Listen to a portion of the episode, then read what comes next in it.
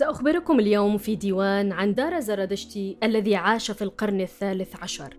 عن الشاب الذي اعتنق الإسلام إبان زحف المغول لفارس جامعا في قلبه المذاهب الباطنية المختلفة من صوفية وإسماعيلية وبين دينه زرادشتي المؤمن بالنور والمخلص وكأنه أنتج إسلاما بهوية فارسية.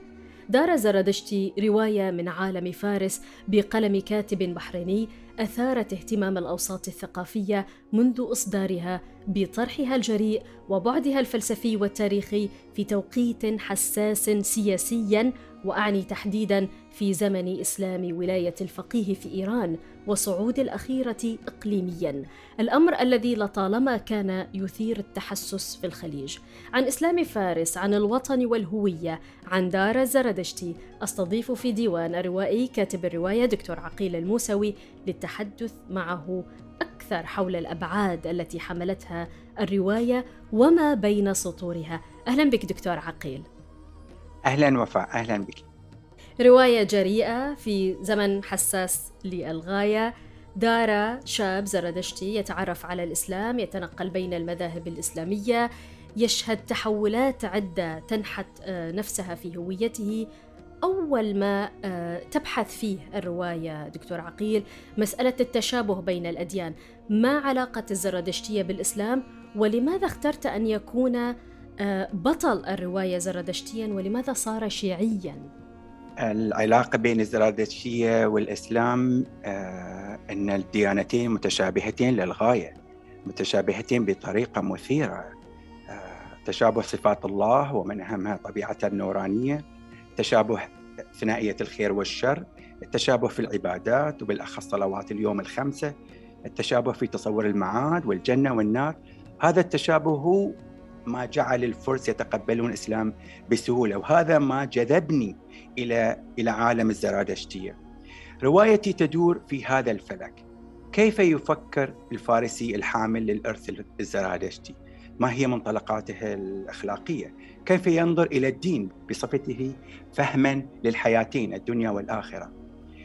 أما لماذا اخترت بطلي زرادشتيا كنت أبحث عن بطل يأتي من خارج مذاهب الإسلام. وفاء هل يمكن تصور صفاقة رواية اليوم تحكي عن مسلم سني تشيع؟ أو رواية تحكي عن مسلم شيعي تسنن؟ هذا هراء يعني شيء تافه. لن تكون للرواية أي قيمة. أردت شخصية بطلي أن تكون من خارج مذاهب الإسلام ولأن روايتي تدور في إيران ذلك يعني ببساطة أن يكون زرادشتيا. الزرادشتية تشبه جميع مذاهب المذاهب الإسلامية ولكنها تشبه أكثر ما يكون المذهب الشيعي فهي أقرب ما يكون للمذهب الشيعي. فمن الطبيعي جدا أن ينتهي دارة أو في مشوار مشواره الروحي في البحث عن النور الإلهي لابد أن يتوقف يوما ما أمام التشيع وينبهر به. وأكيد سؤالك أنت لا تلمحي لهذا السؤال لكوني شيعي.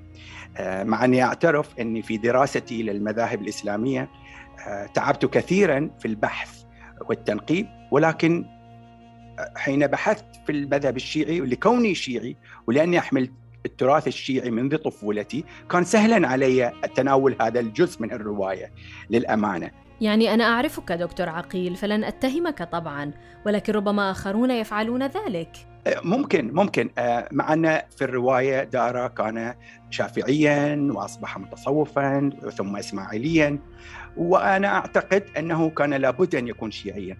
وفاء منطق الرواية يحتم ذلك. التشابه بين الزرادشتي والتشيع هو الأكثر وضوحا بين زرادشتي ومذاهب الإسلام. وخاصة في مسألة مخلص الزمان الذي ينتظره الزرادشتيون بشوق ولهفة. طبعا جميع مذاهب المسلمين تؤمن بفكرة المهدي الا ان الشيعة طوروا هذه الفكرة إلى عقيدة حددوا هوية المهدي ولديهم سفراء من قبله. الحقيقة ليس من منطق الرواية ألا يميل دار إلى التشيع. كأنك تقول أن الإيرانيين طوعوا المسألة لتتناغم مع إرثهم الزرادشتي وهنا تحديدا دعني أقول لك أن أنك في الرواية تسلط الضوء على قضية مهمة وهي حقيقة محط جدل تحديدا في عالمنا العربي. كيف استقبلت آه، فارس الإسلام؟ آه، وفي رأيي وبعد قراءة هذه الرواية دكتور عقيل كأنك تقول أن الفرس أنتجوا إسلامهم الخاص آه، المشبع بالهوية الثقافية الهوية الحضارية أو كنت تحاول أن تنفي الفكرة القائلة بوجود تآمر فارسي لتشكيل إسلام مختلف. وفاء في الحقيقة هذه أهم فكرة أو حقيقة الرواية تطرحها. بعد أن نفهم هذه الحقيقة ممكن لنا أن نفهم أشياء كثيرة دون التجني على أحد ودون الدفاع عن أحد. في تآمر فارسي أو لا؟ لا يوجد تآمر.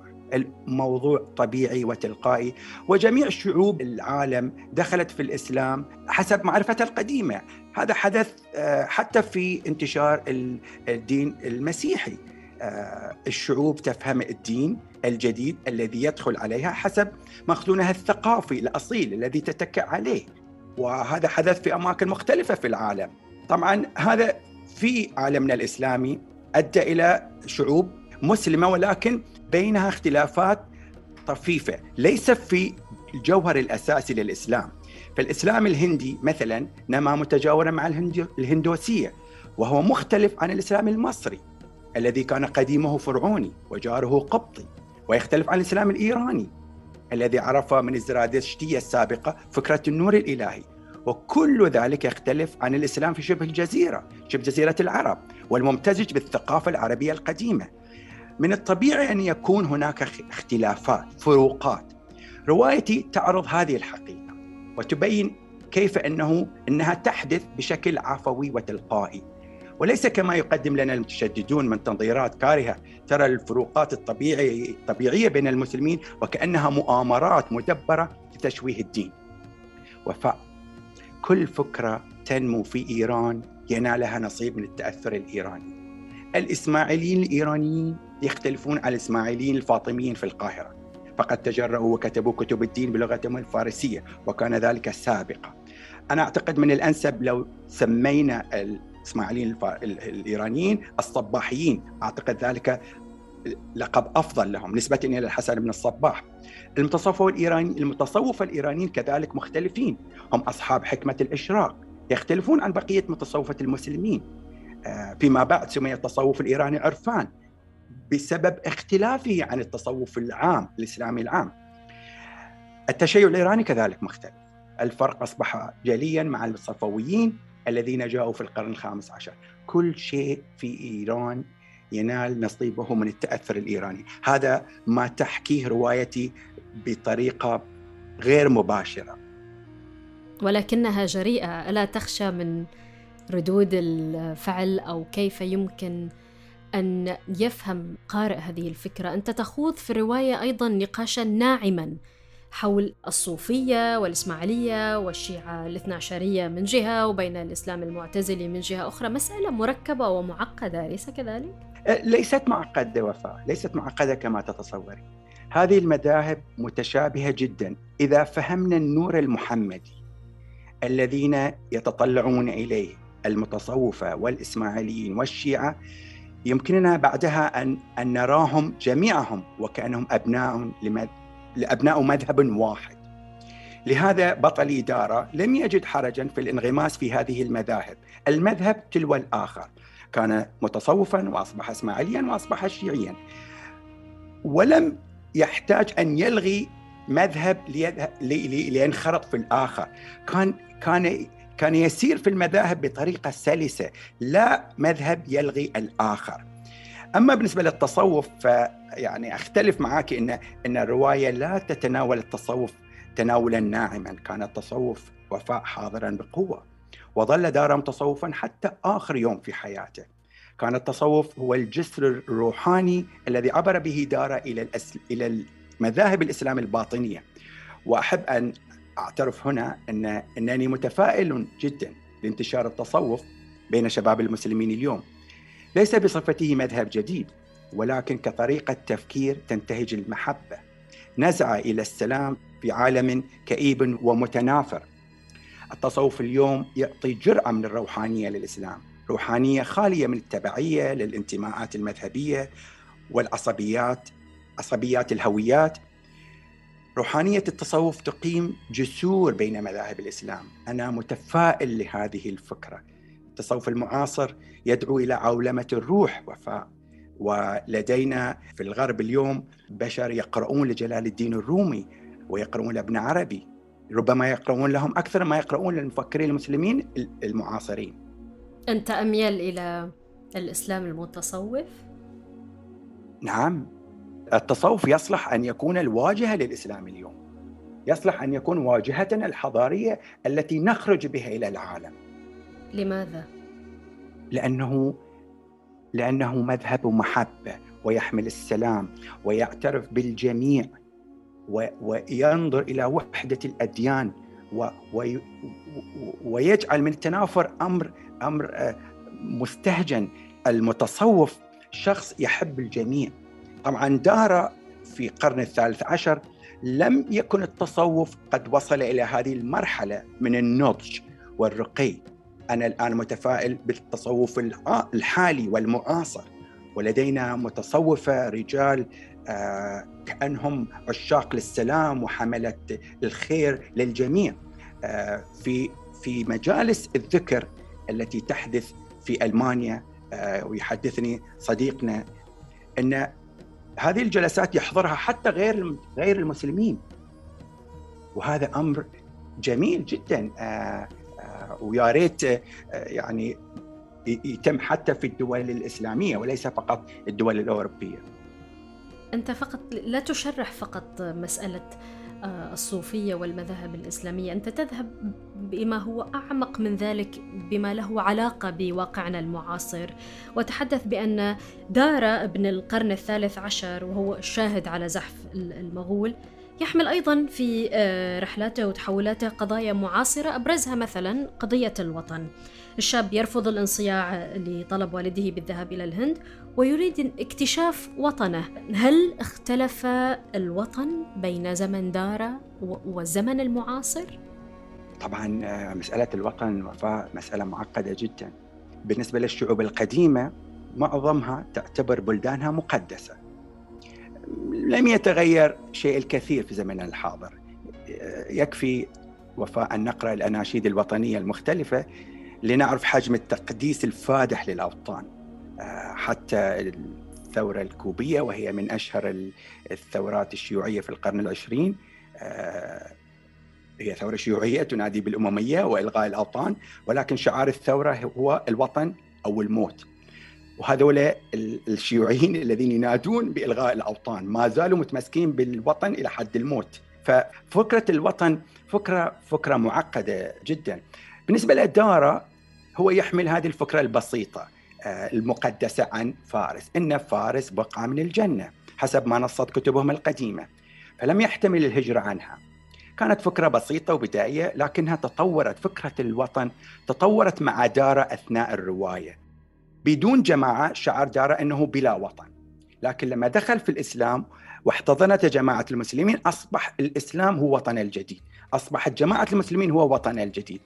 كان دارة يصلي بانتظام يخاف أن يمسي بلا دين فتتفاقم غربته. كان الدين بالنسبة له وطن جديد.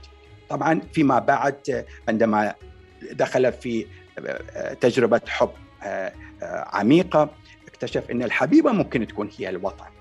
طبعا في نهاية في نهاية حياة دارة عرف دارة أن الوطن ليس مجرد أرض. الجماعة والدين والحبيبة يمكن أن تكون أوطان بذواتها. طبعا في نهاية حياته وبتفكير الزرادشتي وعى إلى ما هو أكبر من الوطن والأرض. آه، رجع إلى الفكرة اللي نادت فيها الديانة الزرادشتية والدين الإسلامي كذلك وأن أن الروح الخالدة موقع موطنها الحقيقي في السماء وليس الأرض. فكل حياة دار على الأرض هي غربة. ليست هذا الوطن الحقيقي. الوطن الحقيقي في السماء وهذا ما يعني هكذا ختمت روايتي بأن دار راضي بأنه هو يترك دار الفناء ويرحل إلى الوطن الأصلي في السماء. سأعود إلى فكرة الأديان. ولكن سأتحدث معك عن مسألة الأصوات الداخلية أنت تقارب أيضا في التفاصيل تتحدث عن الأصوات الداخلية تعطيها بعدا دينيا وفلسفيا وأمر وجد له مكان لتقديم بعد فهم عميق في داخل الرواية هل تقود الأصوات الداخلية الإنسان؟ هل تحكم هذه الأصوات الداخلية إرادته؟ أنا أتكلم عن بطلي الآن دارا آه بعدين أتكلم عن أصواتي الشخصية. آه أصواتي الداخلية لشخصي أنا. في الرواية دارا آه أنا رأيت إن من آه إطلاعي على الأديان والمذاهب لاحظت إن كل الأديان والمذاهب توقفت عند الأصوات الداخلية وحاولت أن تعرف حاولت تفسرها حاولت تعطيها تفسير طبعا يتناسب مع عقائدها. دارا لما كان آه، زرادشتي كانت الاصوات الداخلية باسمه له الهام مجرد إلهام. فهو تبع صوته الداخلي ورفض يرحل عن إيران. آه، لكن الموضوع تعقد أكثر لما تعرف على ألمانوية وعرف إن الأصوات الداخلية مو مجرد إلهام، الأصوات الداخلية هي هي صوت الإله داخله، هو صوت ال ال ال ال ال الكائن النوراني الذي يسكن داره.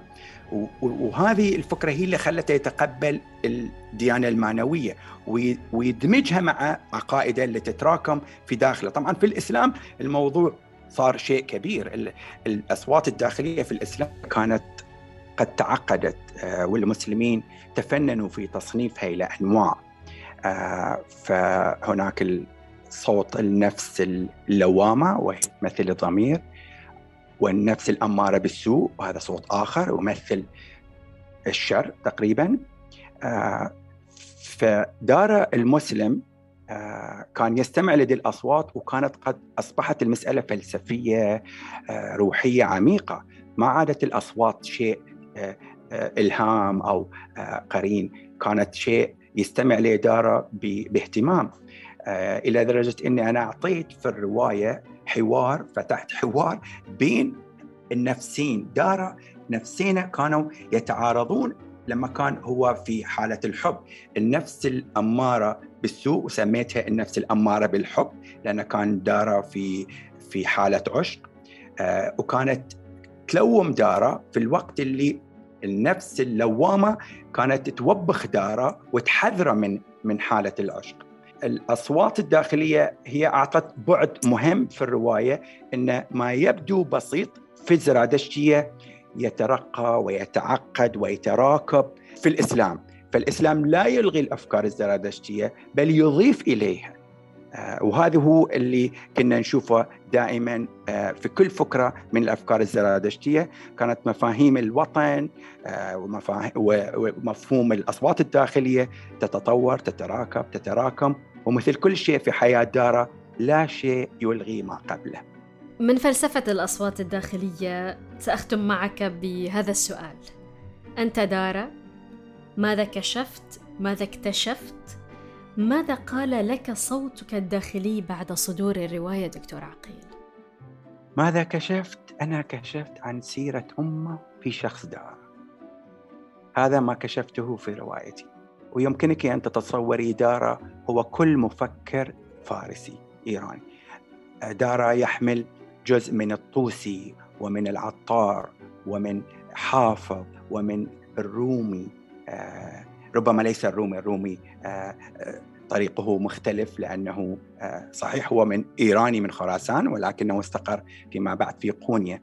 ولكن كل المفكرين المهمين الإيرانيين يحملون من شمائل دارا شيئا. فهذا ما كشفته هذا ما كشفته ما كشفته في الرواية. أنا ماذا اكتشفت؟ اكتشفت أن القراء يتابعون سيرتي آه، وفاء ويقارنون بين أبطالي وبين سيرتي الذاتية وسيرة والدي. فهل كشفت خبايا نفسي دون أن أشعر؟ ربما وفاء لا أعلم. ربما تسرب شيء مني.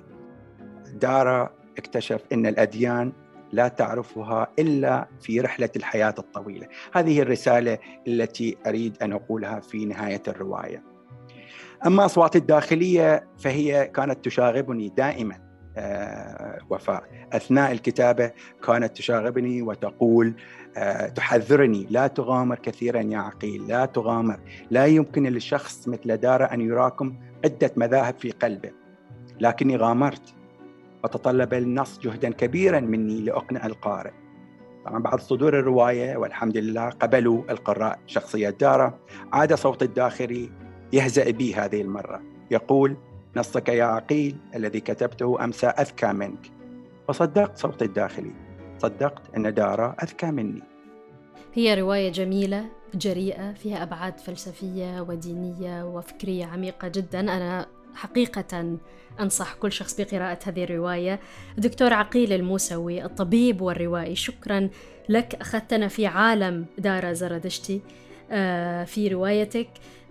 والشكر لكل من استمع إلى حلقة ديوان لهذا الأسبوع. معي أنا وفاء العم ومعي الزميل فتحي أحمد في الإخراج والتنفيذ الصوتي. وإلى لقاء قريب.